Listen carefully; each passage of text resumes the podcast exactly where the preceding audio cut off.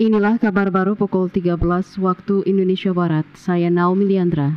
Kementerian Kesehatan mencatat tingkat keterisian tempat tidur atau bed occupancy rate atau BOR ruangan isolasi untuk perawatan pasien COVID-19 gejala ringan sedang telah mencapai 29 persen. Laporan harian terkini Kemenkes per 10 Februari 2022 menyebutkan dari hampir 77 ribu tempat tidur isolasi COVID-19 di 34 provinsi yang tersedia, 22 ribu di antaranya telah terpakai.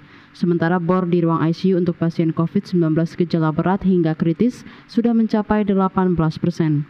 Artinya, dari 8.200-an tempat tidur di ruang ICU yang tersedia, hampir 1.500 telah terpakai. Kementerian Kesehatan menambahkan bor di Provinsi DKI Jakarta dan Bali lebih tinggi, yaitu di atas 50 persen dibandingkan provinsi lainnya di Indonesia. Kementerian Perhubungan akan memberikan potongan sebesar 50% persen bagi pelaku usaha mikro kecil menengah UMKM yang ingin mengirimkan barang melalui tol laut.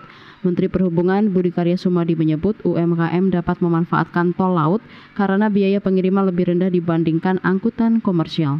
Kementerian Perhubungan telah memberikan stimulus khususnya bagi muatan balik yaitu potongan 50% dari muatan berangkat. Karena bukan saja menjadi penyeimbang sistem biaya logistik namun juga penting untuk mendorong kelihatan pertumbuhan perekonomian di daerah khususnya di Indonesia bagian timur. Menteri Perhubungan Budi Karya Sumadi berharap program tol laut dapat mengurangi biaya logistik yang dikeluarkan pengirim.